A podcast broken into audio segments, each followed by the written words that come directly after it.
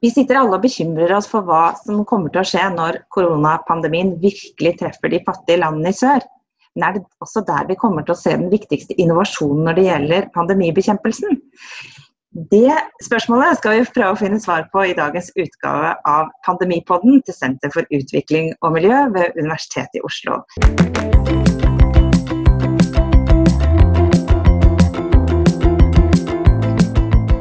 Mitt navn er Benedicte Bull, og jeg er professor ved SUM. I dag eh, skal vi få en liten gjesteopptreden fra Kristoff eh, Gradmann, som er eh, medisinsk historiker. Han jobber ved Helsam og Senter for global helse, som samarbeider tett med Global helsegruppa på SUM. Kristoff, du er medisinsk historiker og faktisk spesialist på pandemier og hvordan de har vært bekjempet historisk. Og eh, du, i, i, en del av det du har skrevet, så kommer du jo også fram med eh, gode eksempler på hvordan denne type kriser som vi er midt oppi nå, faktisk har skapt, skapt eh, viktig innovasjon. Kan du komme med noen gode eksempler på det, for at vi skal føle oss litt mer optimistiske på vegne av både oss selv og landene i sør? Ja takk, det syns jeg er et veldig spennende spørsmål. Det er, En krise er jo en situasjon hvor, man, hvor tankene pleier å løsne litt. Man blir tvunget til å tenke på nytt. Og Et veldig godt eksempel på hvordan man kom på noe nytt som man aldri hadde prøvd før, er koleraens historie. Da var det slik at man pleide å behandle kolera med, med å gi pasienter intravenøst væske. Det var effektivt, men litt tungvint og veldig vanskelig å anvende på store mengder av mennesker. Og så kom det eh, borgerkrig i det som da var Øst-Bengal på 1971, med en formidabel epidemi av kolera. Og så kom man på tanken vi kan egentlig la oss bruke og bare gi dem væske til å drikke. Og det viste seg å funke. Og siden har denne såkalt oral replacement therapy blitt standard i mange andre sykdommer også, ikke bare kolera, men barnediareer uh, osv. En stor suksess som altså kom ut av en epidemi. Hvorfor var det mer effektivt å gi, eh, gi væsken, eh, altså drikkevæsken, enn å få den intravenøst? Gi den intravenøst forutsetter jo at man har hele teknologien på plass. Hvis altså la oss anta to millioner har kolera, så må du ha sprøyter og alt hele teknologien for å behandle to millioner intravenøst. Mens å, å, for, for, å gi dem væske til å drikke, må du bare ha rent drikkevann. Og muligens noen litt salt og sånn som man tilfører væsken til at den blir isotonisk. Det er alt som du har behov til. Og det, og det, det gjør det mye enklere og du må ikke ha den store støtteapparat og medisinsk teknologi til å, til å bruke denne typen behandling. Men før hadde man trodd at, at um, tarmen ble ødelagt av koleraen. Og så, og så kom man på tanken muligens er ikke det slik, og muligens kan vi egentlig bare gi væske. Og så, det er det man gjør nå, at man holder folk i live med å gi dem væske mens infeksjonen tar sin vei. Det gir jo også oss noen, eh, kanskje noe håp eh, for at eh, kan, man kan komme på nye behandlingsmetoder i forhold til koronapandemien. Men hvordan skiller koronapandemien seg fra tidligere pandemier som du har studert? Jeg vil jo si at, at koronapandemien skiller seg eh, særlig fra de pandemiene som dominerte på 1800-tallet. Da satset man på pandemier som, som ble forårsaket av sykdom som hadde en veldig høy dødelighet. Altså tuberkulose, pesten, kolera osv. Det fantes sykdom i pandemisk form altså som ligner på koronautbruddet, altså influensa særlig, men, men, ingen brydde seg så veldig om dem, for de veldig få døde av dem faktisk. I en tid hvor dødeligheten til befolkningen var dominert av smitte, var fokus veldig på smittsomme sykdom med høy dødelighet. Og man visste nok at det fantes noe som influensa, men det var ikke noen særlig interesse i å utvikle medisin mot den, for man hadde jo mye større problemer til å ta seg av. Jeg tror det er hovedforskjellen, egentlig. Så, så, egentlig er nesten liksom det at vi nå, at det nå dominerer så voldsomt, det er litt resultat av at vi ikke er så vant med smittsomme sykdommer som faktisk tar livet av oss. Vi har større, en større forventning til hvor ja. lenge vi skal leve. Det er det ene. Og, og, det andre er at vi faktisk er i stand til å skille korona fra andre lungebetennelser. Det forutsetter jo moderne mikrobiologi, at man er i stand til å diagnostisere korona, covid-2-viruset nøyaktig. Og det hadde vært umulig for 100 år siden. Da hadde det vært en slem lungebetennelse og ferdig med det, egentlig. Man kan, jo, man kan jo, se et eksempel for at, at um, slike respirasjons, respirasjonssykdom ble ikke ansett så veldig alvorlig fra nyere medisinsk historie. Da på 1940-tallet folk utviklet en vaksine mot polio, som var en veldig dødelig sykdom, utviklet de samtidig også en vaksine mot influensa. Men så brukte de poliovaksinen og satt influensavaksinen i skuffen fordi det var ikke lønnsomt å gjøre noe mot en sykdom med så lav dødelighet. Og det hadde nok gått omtrent slik med korona også da, tror jeg. Men um, det er jo det, det, det, setter jo ting litt i perspektiv, kanskje aller mest for en del, en del det vi pleide å kalle utviklingsland, da, fattige land i sør. Men du har jo også vist hvordan Og, og de har jo generelt sett dårligere helsesystemer enn enn vi liker å tenke på at vi i nord har, i hvert fall.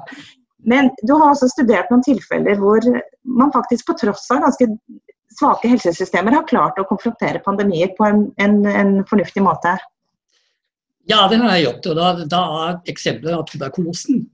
Som altså etter den forsvant mer eller mindre fra høyinntektsland tidlig på 1900-tallet, var den fortsatt veldig utbredt i lavinntektsland. Og da var det slik at på 70-80-tallet ble det en kombinasjon av eh, land i sør med, med noen land med utviklet helsevesen, men veldig dårlig med penger. Som altså fikk pengene fra internasjonale sponsorer, såkalte non-government organizations. Som altså utviklet deres nasjonale tuberkuloseprogram. Da tenker vi særlig på Tanzania, Mosambik og Malawi, hvor dette skjedde. Hvor altså man, man, man brukte et helt land som et laboratorium for å utvikle et, et, behandlingsprogram for hele befolkningen, som så kunne brukes på hele kloden. Og det blir faktisk gjort i dag. Så Tanzania bidro med to ting. Det ene var et folk som kunne jobbe i helsevesen. Det hadde de. De hadde satset stort på å utdanne helsearbeidere etter uavhengigheten. Um, institusjoner, og samtidig var landet økonomisk så svak at de måtte ta imot sponsorpenger. Det, det, er jo veldig interessant å tenke på. men er du, altså det, Vi har jo sett de store eksplosjonene nå i Spania og eh, Italia. Og så eh, ser vi det nå under utvikling i USA. Eh, er det litt sånn myte at, eh, at, våre helsesystemer i Europa og USA er så mye bedre enn i sør? Noen av dem er det, og andre er ikke det.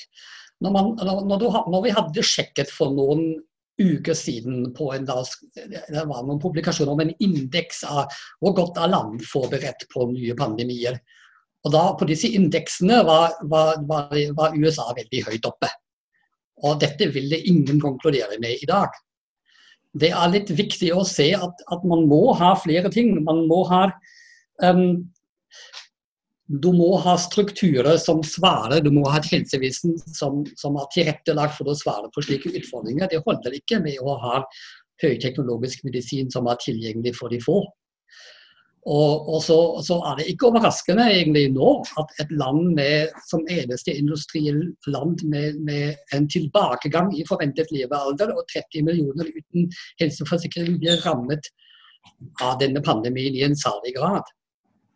Jeg tror at vi kommer til å, til å oppdage at land i nord, altså Europa, um, USA og, og Japan, ikke, ikke, lenger er de som driver global helse fram.